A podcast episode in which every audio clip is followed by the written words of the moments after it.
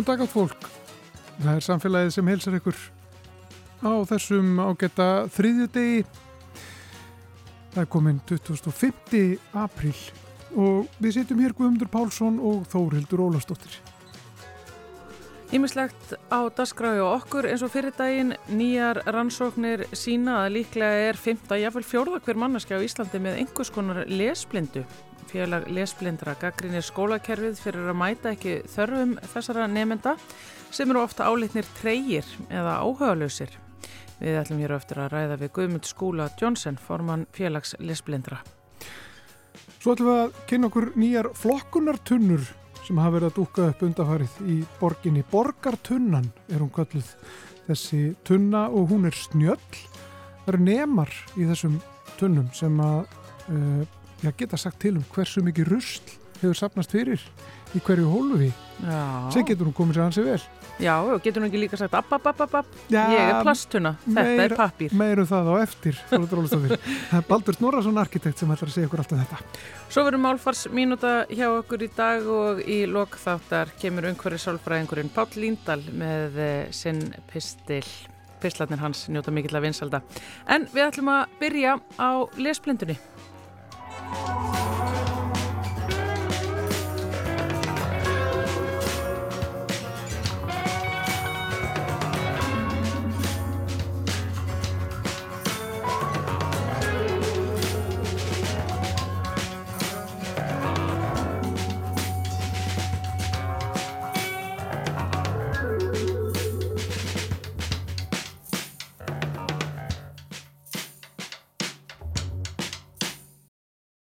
Guðmundur Skúli Jónsson, formaður félags lesblindra, er sestur hérna hjá okkur í samfélaginu. Sælvertu.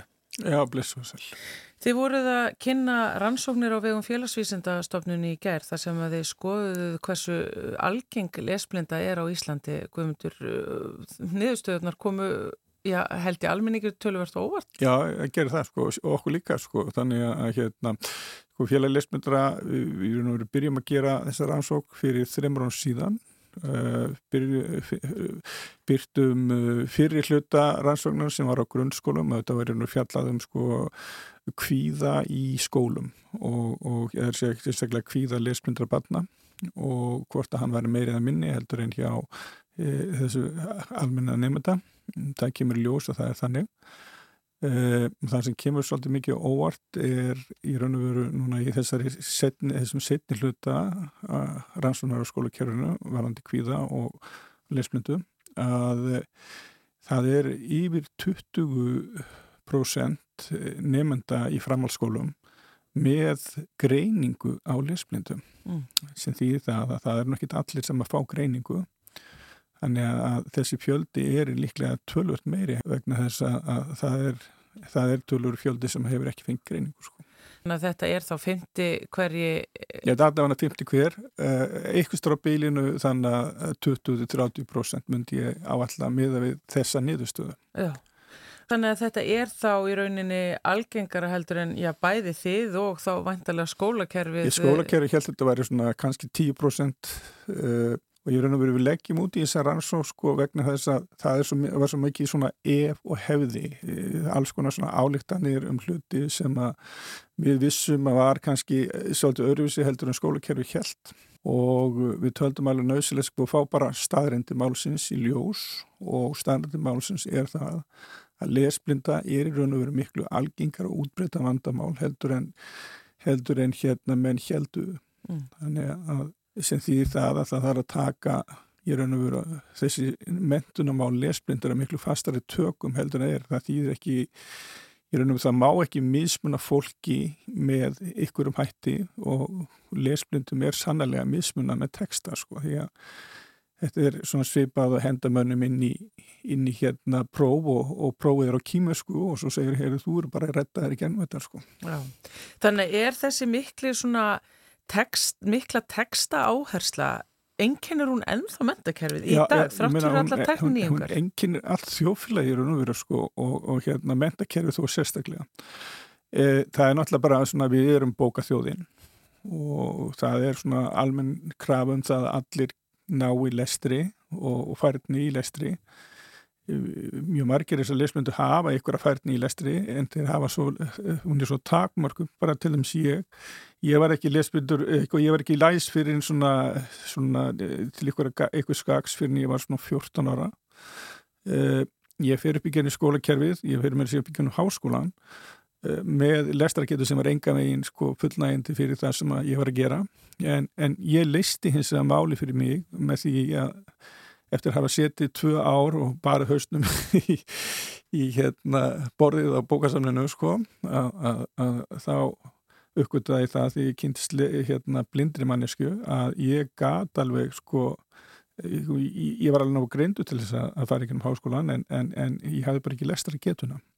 Þannig að þegar ég uppgöttaði það að, að, að það var hægt að fá hljóðbækur þá var það mikil uh, uh, mikil hérna ofinbjörnum fyrir mig þannig að ég fór upp í blindrabákarsafn og, og, og samti þar við húsræðandur um það að fá á þeirri fórsöndu að ég væri, væri hérna e, lesblindur, þannig að ég væri blindur á texta, þá gæti ég fengið hljóðbækur mm. og uh, það er breytti öllu fyrir mig í, í mínu námi í Bjáhanskóla sko. Þegar kemur á því að mitt að steyðja lesblinda í námi, er það þá uh, ekki helst að leifa þeim að hlusta á uh, námsefni frekar heldur en að lesa það? Ég meina, sko, hvernig, hvernig hérna í gamla, hérna í byrjun Íslandsugunar þá, þá fóru lögsögumæðurinn og las lög upp, það týtti ekki að hann var að lesa lög, heldur hann var að segja lögin til hérna þingheims og hann fluttið það mullega, hann fluttið ekki skriflega, að menn voru ekki færðin að skrifa lög þá sko og öll lög voru í, í hérna ljóðum, þannig að hérna allt í ljóðstöfum, þannig að það verið auðvelt að munna lögin sko Já.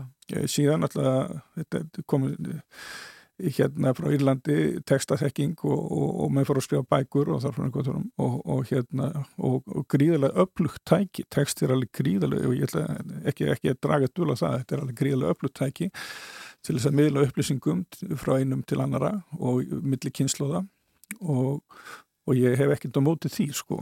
En, en hins vegar þá er minn flokkur manna hann á bara ég mjög mjög erfleikum og þeir, þeir eru geta verið að af alls konar meiði. Ég hef heilt sko hjá erlendum aðlum sem að vera að skoða þetta að þetta sé upp undir 80 hlutir sem að geta farið úr skeiðis sem verða þessu aldandi að, að þú nærði ekki læstir í sko og, og hérna það er Davies lesmynda, það er Konus lesmynda það er hljóðkerfisvilla við getum haldið áfram að Þetta er mismunandi þegundur lesblindu. Já, en þetta kemur allt niður á sama. ég, kemur, kemur í raun og veru allt niður á sama. Og, og þú bara nærði ekki lesti eða nærði illa lestri og, og hérna átt í vandamálum. Og það er raun og veru vandamálið í skólakerfuna greinir lesblindu að þetta er ekki bara eitt. Kári Stefansson reyndi að finna lesblindu genið og það kom út að það var unconclusive eins og sagt sko. Þegar að það var engin niðurstað í málunu vegna þess að vandamálið er ekki eitt heldur það er mjög margbreytilegt sko. Já, já, já, blindan er svona alls konar. Það er alls konar sko. Og það er, það er þess vegna hefum við ekki á félagi lesmyndir að lagt rosalega núna síðust 20 ár síðan að við vorum til. Við vorum yfir 20 ára þessu ári. Að við hefum lagt rosalega miklu áherslu á það að skaffa og gera hann að vera svona úrlausnir fyrir lesmynda þar sem að, að við getum unnið með texta með hljóði. Þar að segja við fórum út í það með blindarfélagin að koma á röddum sem hétti Karl og Dóra. Þannig að uh, allt stafrænt efni var þá hægt að ná hlusta á það með, lestri, með, með, með hlustun. Og það er sem ég líka ég lærði henni upp í háskóla þegar ég var þar sko að nota hljóð að ég gæt hlustað á fjórföldum jafnvel fimmföldum hraða sem gerði mig jafnvel sko ég var meiri sér sko með meiri hrað hlustun heldur en, heldur en hérna sá sem var með hraðlestur sko. Já, þú getur tekið meira inn. Já, en, en, en, en hins vegar vandamáli var það að maður vildi gerna sopna út frá þessu sko og, og þá að ég fekk ég að vita það frá afminn sem var nú læknir að, að hérna ég var með þessi prófsor í, í, í læknisvæði og hann, hann sagði sko þú verður að nota, þú verður að virkja mænukiluna sko, þú verður að gera eitthvað sko sem að sem er svona reyfingi eins og gamle konar sem voru að prjóna sko, sem gáttu prjóna blindandi, lappandi yfir alls konar fyrirstöður millir bæja henni galdra og, og hérna og þannig að ég fór að spila tölvuleiki og meðan ég var að hlusta, þá held ég mig vakandi. Svona einfalda tölvuleiki. Já, þannig að þetta er svona alls konar tækni hvernig maður ja, er að hérna, veist, taka efni til sín. Já, já, er, þetta, þetta þetta á alls konar hátt sko, og, og, og hérna við höfum svolítið verið að kenna það í skólakerfið. Við höfum verið, sko félagi hefur verið mjög aktíft að fara í skólana og, og við höfum tekið á móti fólki. Það er til alls konar hugbúnaður. Við höfum haft frumkvæði að því ofta að, að fá ákveðna þjónustu og, og hluti e, hérna gerða. E, við höfum og, og, og tekið þátt í alls konar e, allt sem að kemur að því að e,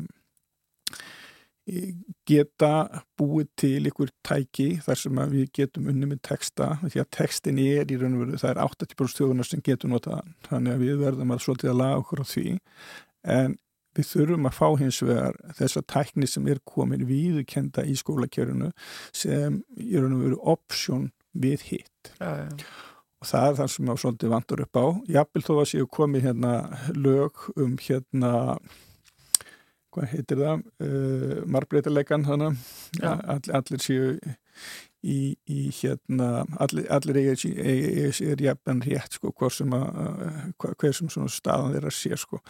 En þrátt fyrir það það vandar svona pólitíska vilja til þess að, að, að hérna gera þetta að ykkur. Og við höfum verið að ræða bæði við mentamálurraðandið og, og, og samtök út í atunlífinu og, og þar frá nýgóðurum að búa til eins og við höfum kallað sko skóla án bókar þar að segja skóli, ég ekki segja skóli án texta, þetta er skóli án bókar þannig að, að við þurfum ekki að sæta því að þurfa að lesa hluti, við eigum að eigum, eiga rétt að því að hlusta það eða þannig að, að hérna við getum í raun og veru fungerað með sama hætti og aðrir mm. sem, sem að nota texta sko. Og einmitt af því að þetta er svona stort Uh, hlutfall nefnda og, vantilega eins og talar um að það er nú ekki eins og allir séu með greiningu nei, í skólakerfinu og hvað nei, þá þau sem eldri eru. Já, já, við, sko, þetta var nú bara þannig þetta var bara sko, þetta var hérna bara tapu að segja frá þessu sko. eins og sé við, við vorum svolítið eins og sankinarfólki við vorum bara í skápnum og vildum helst ekkert hérna, segja frá því og vorum í stöðu um svona féluleik með vandamáli Já, fél að maður geti ekki illa lesið það því að það uh, var náttúrulega það hefur verið litið niður á það. Já, ekkert litið sko, þú veist bara vittlus sko, einfallega þannig hann er svo vittlus, hann kann ekki að lesa. Ég var til að við gerðum mynd hérna í byrjun árdagafélagsins og fengum þá nokkuð marga aðla sko til þess að segja frá sínu vandamálum og, og hérna mann sérstaklega eftir tveimur köllum uh, úr þessari mynd.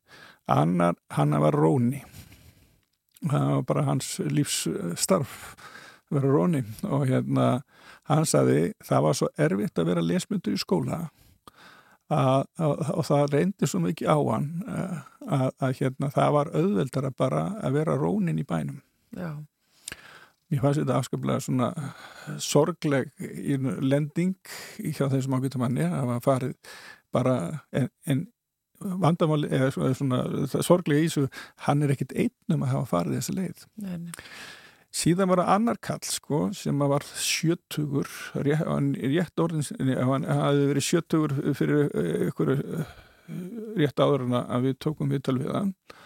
Og þá hafði komið fram með akkurat það að hann hefði verið lismyndur en hann hafði átt stórt og mikið glukkafyrirtæki hann gerði glukkana í perluna mjög flinkum maður og hann hafi rekið fyrirtæki sitt á, í gegnum segulband allt sitt líf og hérna það vissi engin að því að hann var lesmyndur og það var, það var bara konana sem vissi að hann var lesmyndur sko. og hérna þetta var svo mikið tapu og lindamál að, að það mátti engin vita þetta Nei.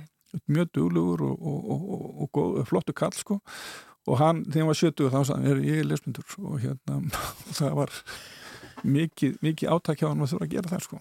En núna er þá, ég myndi segja, tabúin á mörguleiti létt og allir konur út úr skáttum með þetta jú, jú. og þar að auki er náttúrulega tækni framfyrir norðin þannig að mér finnst eiginlega sko sérstaklega yngri kynsluðin vera frekar að hlusta á bækur og hlusta Já. á texta Já. heldur nokkuð tíman að vera eitthvað að lesa það. Það bara henda betur þannig að sko auðvitað, ég get alveg tekið um það, það þurfa allir sko í þessu samfélagi sem við búum í að hafa ykkur að lestra getu. Já, já. Eh, en ég það er afskaflega mikið á móti þessum hraðlistarprófum það, það er mjög niðurbrjótandi fyrir mjög marga. Ég þekki þetta nú bara með mína stelpur. Ég á stelpur í skóla og, og, og það er tværðir lesmyndar og ég má þrjá stelpur sko, fjóra í, í það heila. Uh, hérna uh, sko uh, tværðir eru lesmyndar tölvöld lesmyndar og það er að setja þær í hraðlistarpróf mér finnst það bara algjörlega út í hött. Ja. og það er ekki bara þeir, það er fullt öðrum krökkur sem fari í svona hraðlistapróf e, önnulega, eh, báðar er að hafa sko lestargetu þannig að það er, það er sko að hafa góðan lerskilning því að lesa hluti þá geta en það hafa ekki lestar að hraða. Og, og það að vera settur í, í lestarpróf, ég man nú bara eða að vera settur í, í lestarkennslu sem er niðurbrjótandi er afskaplega sko, persónlega nýðubrjótandi fyrir, fyrir einstaklingin. Þú ert e, eins og þegar ég var í skóla þá varstu bara vittlus og hann er svo vittlus, hann kann ekki að lesa og hérna ég kallaði þetta þegar maður var settur sko, í það að lesa fyrir bekkin til dæmis. Það var kallaði ég að ganga plankan.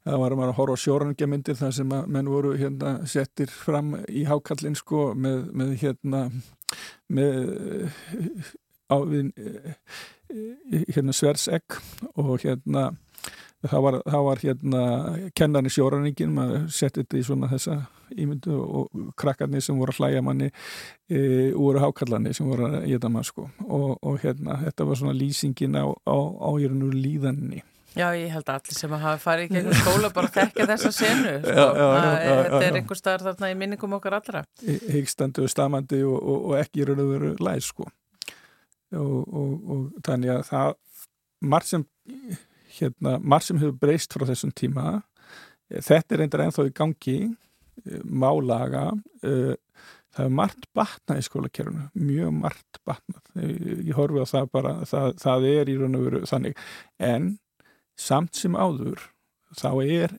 ennþá mísmunun með texta.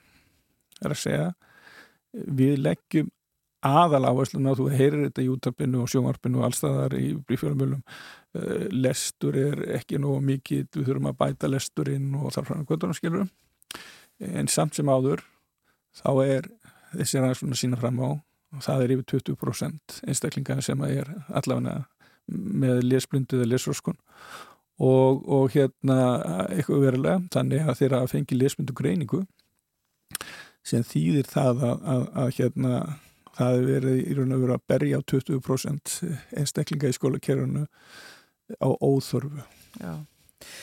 Sko þið eru náttúrulega eins og þú fóst yfir þarna þann í náttúrulega samtali við stjórnvöld og atunlífið og skólakerfið um, um, um, um að breyta þessu. Uh, veist, eru einhverju svona áfangar á sjóndaldarhingnum stórir? Eða? Sko ég er svona vonast til þess sko næsta, næsta rannsón sem við ætlum að leggja út í og við, erum að reyna að fá hann aðal í atunlífinu í þá rannsónum er í raun og veru á lesblind í á vínumarkaði það er held ég mjög, mjög, mjög mikið vægt að í rannsóninni kemur einmitt fram að lesblindir velja gerðnan aðra leiðir heldur en þessa hefbundu þeir eru í, í verknámi og þeir eru, eru hérna ég, ég man eftir því að það var á tímanbilið þá voru nánast allir bladamindljósmyndarar landsins lesmyndir sko.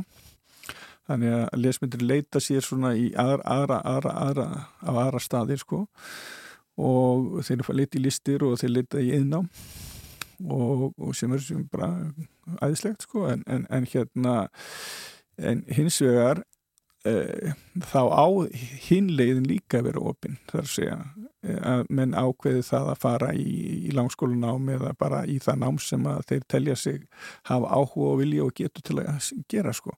Og í flestum tilfellum þá er það nú þannig að þessi lesbyndir þeir eru ekkert vittlusari eða verkefnir sko og þeir, þetta eru oft mikið hæfileika fólk. Uh, ég var nú því ég kom hérna inn þá var Blóm í Vasa eftir Alvar Aldó og hann var lesblindur. Já, ég myndi á hörnuðurinn mikli Hörnuðurinn mikli.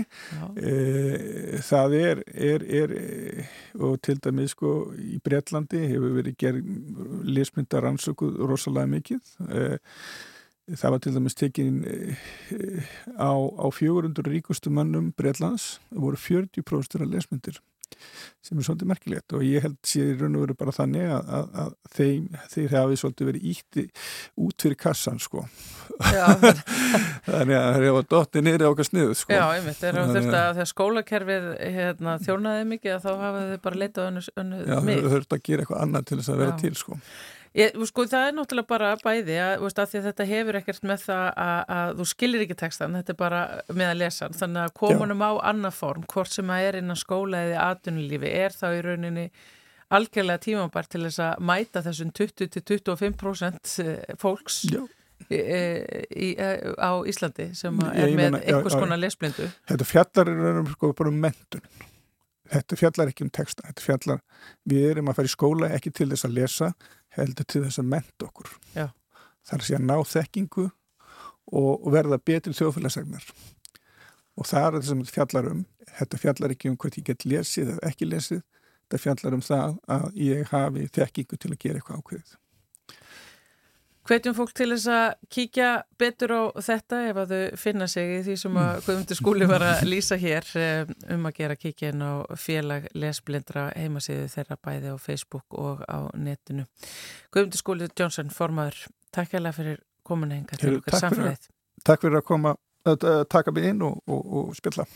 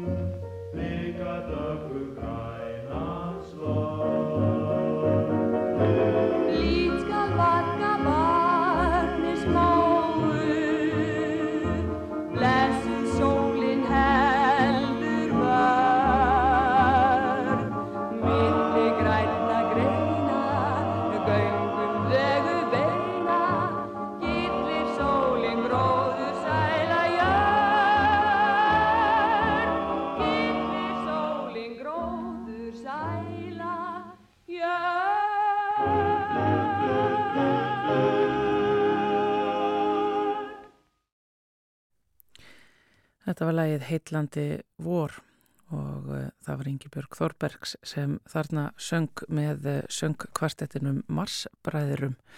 Þetta er af 78 snúninga hljómplutu sem var gefin út árið 1957, hljóðritað hér í Ríkisútvarpinu. Eða ekki hér, ekki í þessu húsi sem við erum í núna, heldur allt öðru húsi en það var samt Ríkisútvarpi sem að sáum þetta á sínum tíma. En talandu um vor, þá held ég að Guðmundur ætla bara að fara með okkur út í það. Ég er stættur við Vesturbæðalögina og stend hér í sólinni. Það er aldrei kallt reyndar, en það er þó sól og bara nokkurnu veginn heiskýrt hér í Vesturbænum. Og hér hjá mér er Baldur Snorrason, arkitekt. Hann stendur hér við nýja tegund af ruslatunum. Þetta eru snjalltunnur og, og um, eru glænir og þú ert uh, annar þeirra sem að hanna er þessar tunnur. Já, þetta er sem sagt uh, við Adrian Freyr Rodríguez höfum verið svona að vinna að þessari vöru núna síðustu þrjú árin. Byrjaði með svona prototípu og hönnamars fyrir þreymur árum. Já, núna þreymur árum setna erum við að fara að sína sem sagt þessa nýjustu útgáfu af þessari flokkonutunnu sem er þá e, fyrir almenningssvæði í svona borgarrýmum á götuhotnum og torgum og, og þess aftar og hugsa þá sem svona já, í blandari lausn við til dæmis hérna grendarstöðuna sem sér hérna við Vesturbæðalögina mm -hmm. og djúbgáma og þess aftar. En þetta er svona tunnu sem hefur geta komið þá í staðin fyrir þessar svörtu plasttunnur sem eru á götuhotnum svona vísvegarum í, í, í borgarrýminu sko. og, og þú segir sko flokkunatunur það er, er líkilatrið þetta að það sé flokkunin hefðist strax sko, þú bara byrjir að flokka þegar og losar þið við ja, umbúðir eða hvað það er sem að fólk er að losa sig við hérna, til dæmis Já. við vesturbælauna Algjörlega og, og hérna, þetta er svona hluti af bara þessari vitundavakningu eh, varandi flokkun og svona þetta átak sem borgin er í núna eh, sem kallast bara flokkum og ég held að maður geti þetta á sorpa.is það sem er og, og ný sagt, lög sem gengur í gildi núna um áramótin um, um sagt, eh, að vera skilda heimili og vinnustæði til að flokka. Og þá finnst okkur þetta svona rökrétt svona framhald af því að, að hérna, borgarýmið er svona andlit bæja og, og borga og að það svona í þá að byrja þar flokkuninn og, og og þegar fólk er farið að flokka og æfa sig hérna úti í almenningsrýmunum þá er það kannski líklæra til þess að flokka heima á sér á, á vinnustöðum. Þannig að já, þetta er svona helst í hendur við það. Mm. þetta sé svona já, bara framhald af því. Og svo náttúrulega sko það það þýðir ekki að byggja fólk um að flokka ef það hefur ekki ílátindi þess að flokka í ef maður getur sagt þessu Já, það þarf náttúrulega að vera bara mjög skýrt og hérna, til þess notu við nýja merkingakerfi frá fenur sem er verið að það verið að samræma þetta, þessa liti og íkon sem eru nótuð til þess að hérna, fólk svona já, eigi auðveldra með átt að segja á hvar plastið að fara og flöskur og pappir þannig að pappirinn er alltaf uh, eh, pappíshólfið er alltaf blátt hvort sem það er hérna í, í Reykjavík eða, eða Fraustan eða Kaupanöfn eða Oslo þetta sé bara alltaf eins. Og hérna og, og, og útskurðir á hólfum og svona vísa til þess hverju þú getur hendi í hólfin þannig að já, þetta þarf alltaf að haldast í hendur sko. En hvernig er, hvernig hanna maður uh, svona, svona ílátt? Hver, hver, hver byrjuðu þið og er þetta, mikið, er þetta mjög frábrúðið uh, fyrstu hugmyndunum ykkar?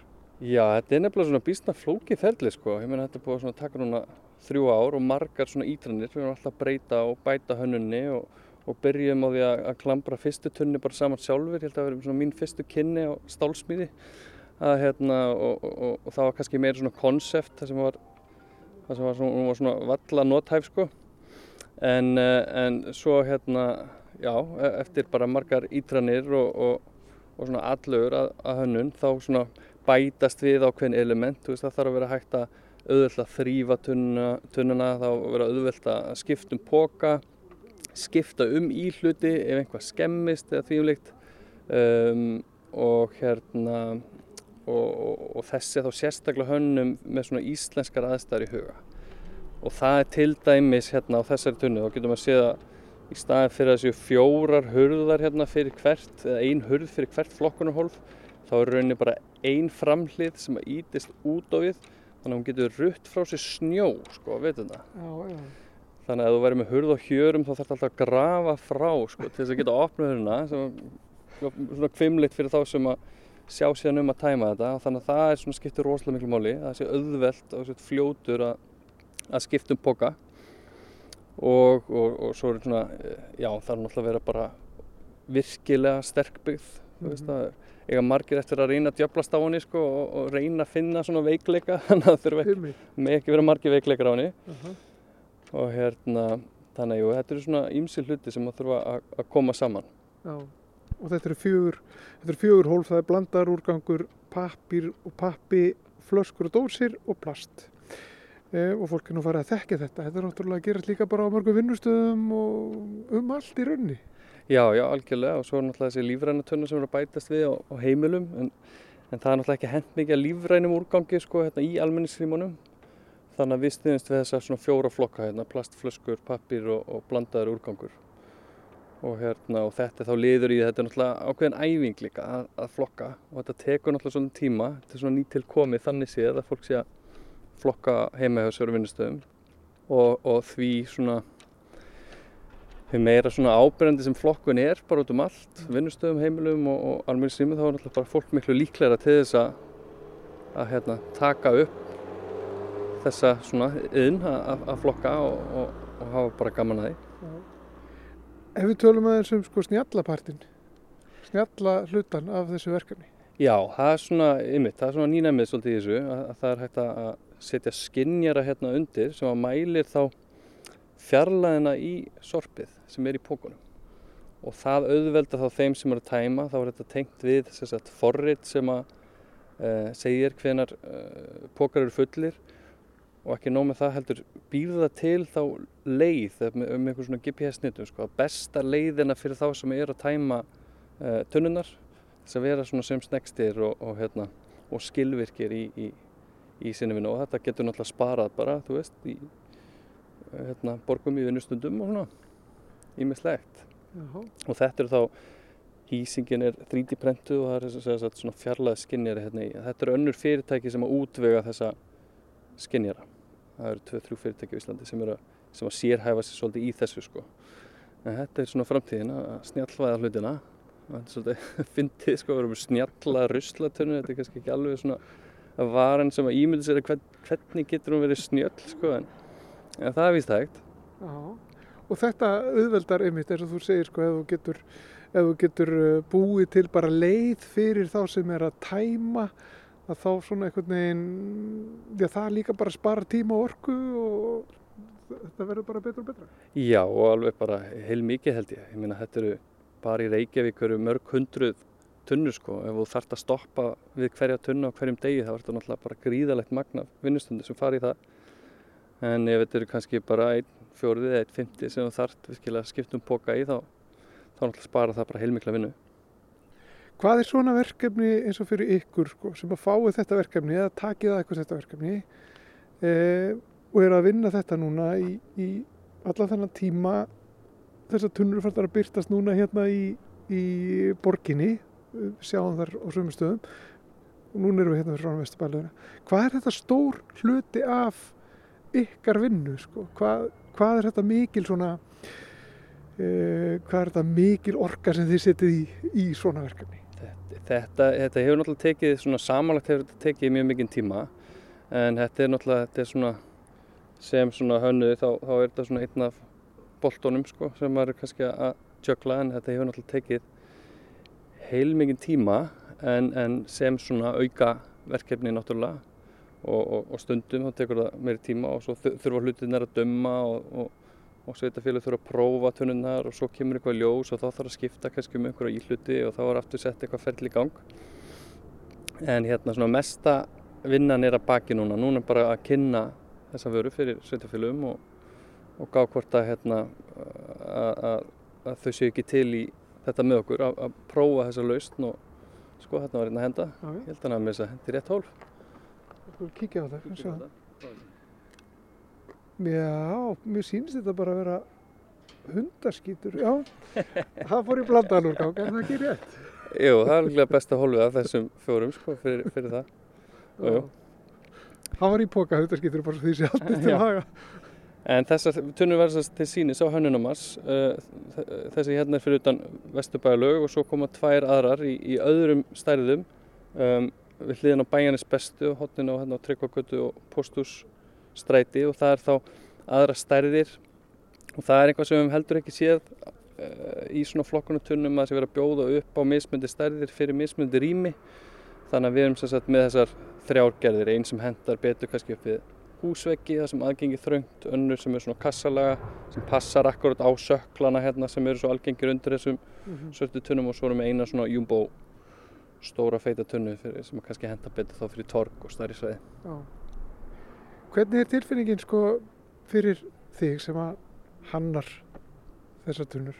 Hvernig er það svo að, að sjá þetta byrtast í uh, almanna rými og, og þar, sem að, þar sem fólk er og einhvern veginn er þetta góð tilfinning? Hugsa maður þegar maður á leið fram hjá uh, svona tunnu, hugsar þú þá svona, já þetta, þetta gerði ég, þetta Já, bara virkar já, já, og flott. Fólk er að henda rusli hérna Já. þessar tunnur og þetta virkar. og manni líður eins og bara ná rusla konginum sko, Al, algjörlega.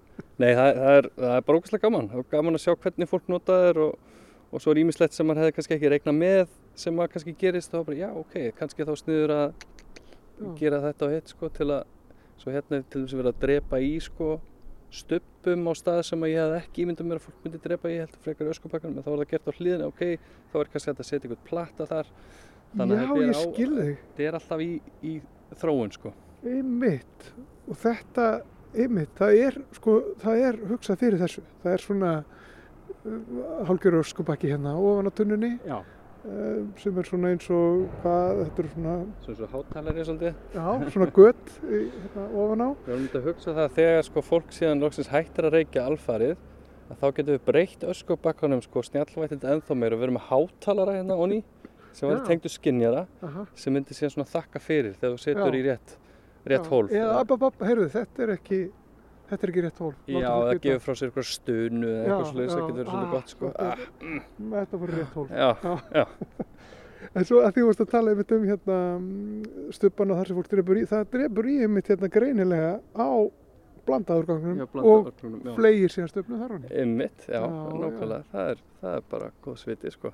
Og nú veistu þetta. Nú veit ég þetta. Já.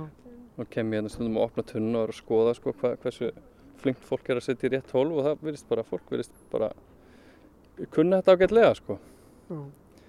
Ha, eftir margra ára æfingu. Já. En það er þetta að kynna sér þetta á, á hönnunumars, fá að skoða þessar tunnur og, og, og fá svona meiri fræslu um þetta. Já, og heimasíðun okkar borgartunnan.is, þar eru svona upplýsingar um, um tunnundar og stærðir og gerðir. Segjum þetta gott. Baldur Snorrason, hér kemur úta. Leifum henni að gera framjá. Segjum þetta gott Baldur Snorrason, uh, arkitekt og annar hönnuður borgartunnunar. Takk fyrir spjalli. Takk sem leiðis.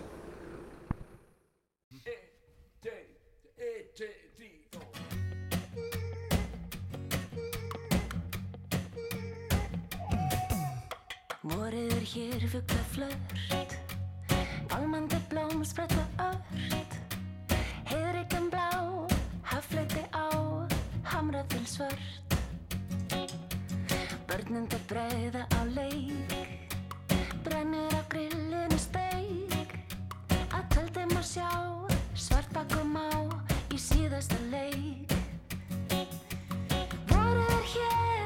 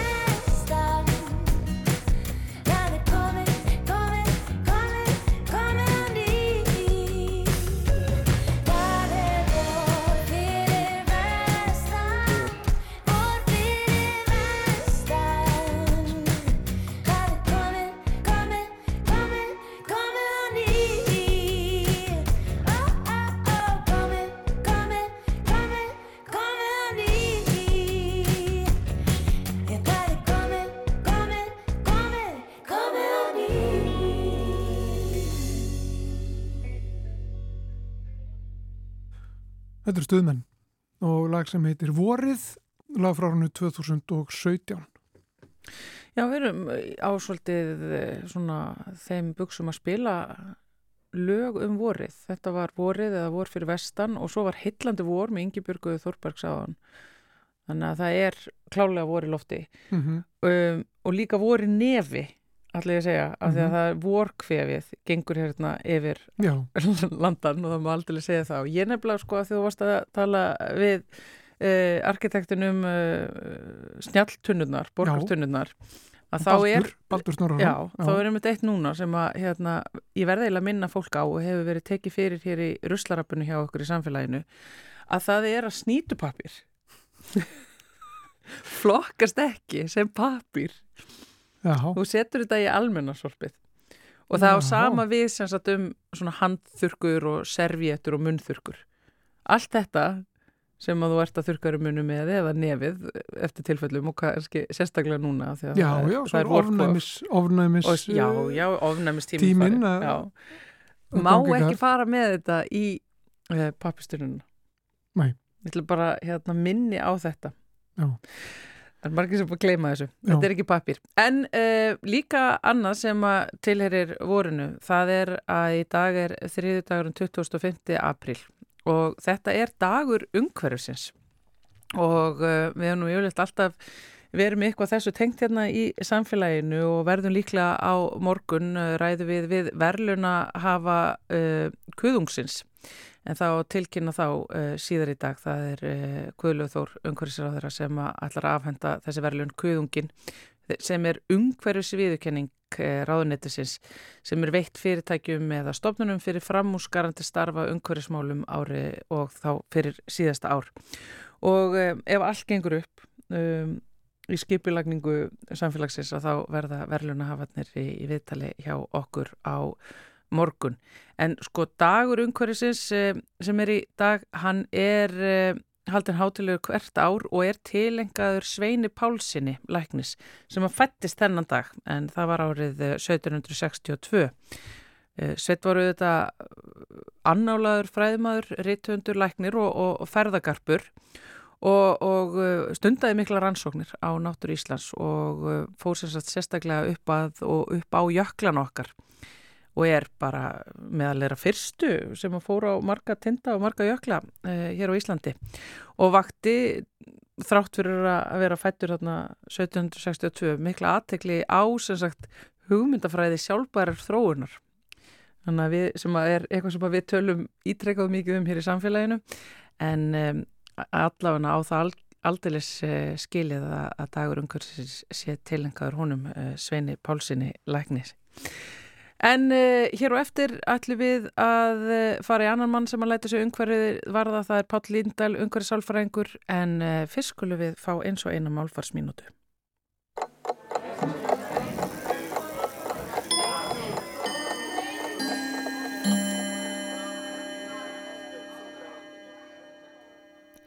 Húsgagn það sem kallað er ottoman er eins konar legubekkur, lágur, flatur og breyður. Eða jafnvel frekar hár og stór fótskemill. Heitið hefur nokkuð auðlusa tengingu við ottomanaveldið sem ríkti frá því um 1300 og fram á þriðja áratug síðustu aldar. Talið er að húsgagnið hafi búrist til Evrópu frá ottomanaveldinu senkt á átjándu öld og frá upphafi verið kent við þann heimsluta. Það tengist þó ekki ósmönnum sjálfum, soldánunum eða ætt þeirra, heldur mun það aðeins ráðast af því úr hvaða ríki það barst vestur á bógin. Það er annars forvitnilegt að það skuli verið til húsgögn sem draga napsitt af stjórnskipan eða stjórnvöldum. Ekki er ólíklegt að ástæðan fyrir því sé að þau hafi verið lúksus sem var ekki á allra færi.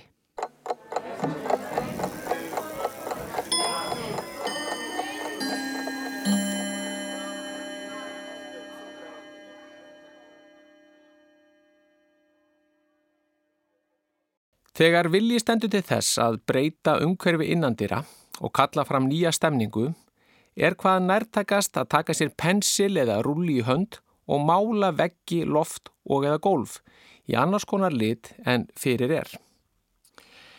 Við þekkjum það öll að það er bísna ólíku upplifun að sitja í rými þar sem að ljósblár litur hýlur veggina eða í rými sem er eldrautt. Og þennan mun hafa rannsóknir staðfest. Þær hafa staðfest að litir í hinnu byggða umhverfi hafa ólík áhrif á okkur. Ólík líkamlega áhrif, ólík tilfinningarlega áhrif og ólík áhrif á hugræna starfsem okkar. Litir eru allt í kringum okkur. Á þeim hefur við skoðanir og flestir eiga sér sinn uppáhalds lit. Við teljum okkur vita sitt hvað um áhrif þeirra en þegar öll er á botningkvolt og ríndir í rannsóknir þá kemur samt í ljós að samspil okkar við litina er fjarrið því að vera beint af augum og sannarlega ástæða til að skoða og rannsaka betur. Reyndar er það svo að við höfum lengi bísað við að brúa bílið milli okkar og litapalettunar í þeim tilgangi að skilja áhrif ólíkra lita á okkur.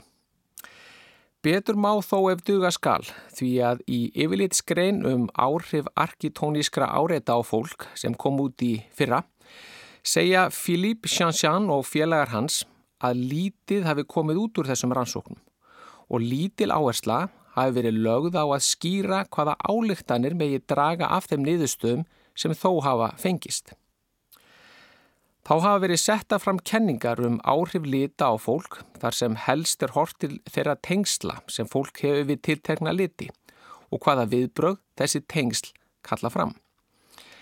Kenningarnar hafa haft veika vísendalega undirstöðu og þær rannsóknir sem gerðar hafa verið skortir oft forsendur og það vinnulag sem vísendi kræfjast. Það er því ekki undarlegt að niðurstöður um áhrif lita á fólk hafi löngu verið misvísandi og óljósar, segja Philippe Chanchan og félagar. Eitt af því sem rannsakendur á áhrifum lita glíma við er að lýsa eiginleikum litana. Hafa rannsakendur grepið til líkana smíða og samanstendur eitt þeirra af eftirfarandi þremur þáttum. Byrtustígi eða lightness sem er hlutfall svarts samabor við, við kvítt í tilteknum lit hreinleika litar eða króma sem er skýrleiki litarins og litbriði eða hjú sem er bylgjulengd litarins en hver litur sem við sjáum hefur sína bylgjulengd og það er einmitt þessi þáttur sem við yðurlega vísum til þegar við ræðum um liti og flesta rannsóknir beina sjónum sínum að þessum þætti. Í yfirlitsgrein sem byrtist í tímaritinu Asian Journal of Behavioral Studies síðla árs 2018 voru niðurstur 40 rannsóknar tekna saman. Þar kom í ljós að grætn og blár litur var uppáhalslitur flestra. En það er þó mikilvægt að hafa í huga að dálæti okkar á litum tekur miða mörgum þáttum eins og aldri, kyni og menningu, bakgrunni og reynslu okkar. Ennfremur komi ljós að dáleiti á tilteknum lit getur haft áhrif á skap, líðan og framistöðu. En einnig síndu niðurstöður að tilfinningar að viðbrókar við tilteknum lit tengist þeirri merkingu sem við leggjum í litin. Almennt verðist grætlitur vekja upp jákvæðustu viðbröðin og við tengjum hann við afslöpun og hamingju. Blár er talin vekja upp jákvæðri tilfinningar en rauður þegar að unnið er í opnu vinnurými. En niðurstöður hafa sínt að fólk skinni líka bláalitin sem þunglindinslegan og líkt aðlagandi. Þá getur fólk upplifað umhverfi sem enkennist af rauðum lit, bæði sem örfandi og trublandi. Þá kom einnig fram í greininni að litríkt vinnuumhverfi hafði jákvæðri áhrif á framistöðu en litlaust vinnuumhverfi og að sumar litasamsetningar virðast frekar en aðrar íta undir bætta framistöðu, bæði hvað var það hraða og nákvæmni.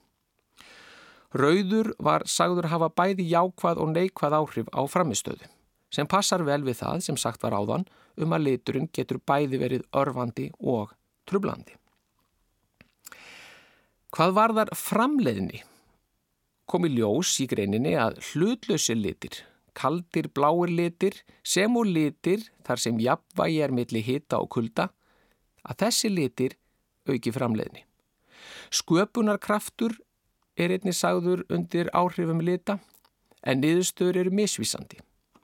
Því kaldir litir eru sagðir hafa bæði neikvað og jákvæð áhrif á sköpunarkraft og sköpunargráfu en jákvæðu áhrifin megi reykja til þess að kaldir litir séu róandi og hjálpi til við einbyttingu sem þá aftur eigur sköpunarkraftin og gáfuna. Heitirleitir á heimbóin örfa og trubla einbyttingu og þar með sköpunina. Og talandum örfun. Í rannsóknum á námsumhverfi hefur komið fram að litur á veggjum kennslustofa örfar nefendu með ólíkum hætti. En örfunarsting nefenda skýrir um 23% af áhrifum umhverfis á námsframvindu. Til samaburðar skýra þættir á borð við byrtu, hljóð, hitastig, loftgæði og tengst við náttúruna samanlagt um 50% af áhrifum umhverfis á námsframvindu. En þá er spurt hvað telst ákjósanlegt örfunastig fyrir nefnendur þegar kemur að því að framkvæma tiltekin verkefni.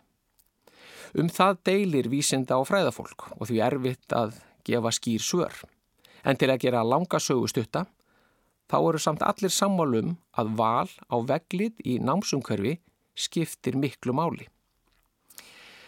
Í ákvaðverðir rannsókn á litum í námsumkörfi sem byrt var árið 2021 komi ljós að kaldir litir bættu aðtikli nefnda meira en heitir litir. Þegar að tekist var á við verkefni sem fólst í því að finna villur og bregðast við þeim.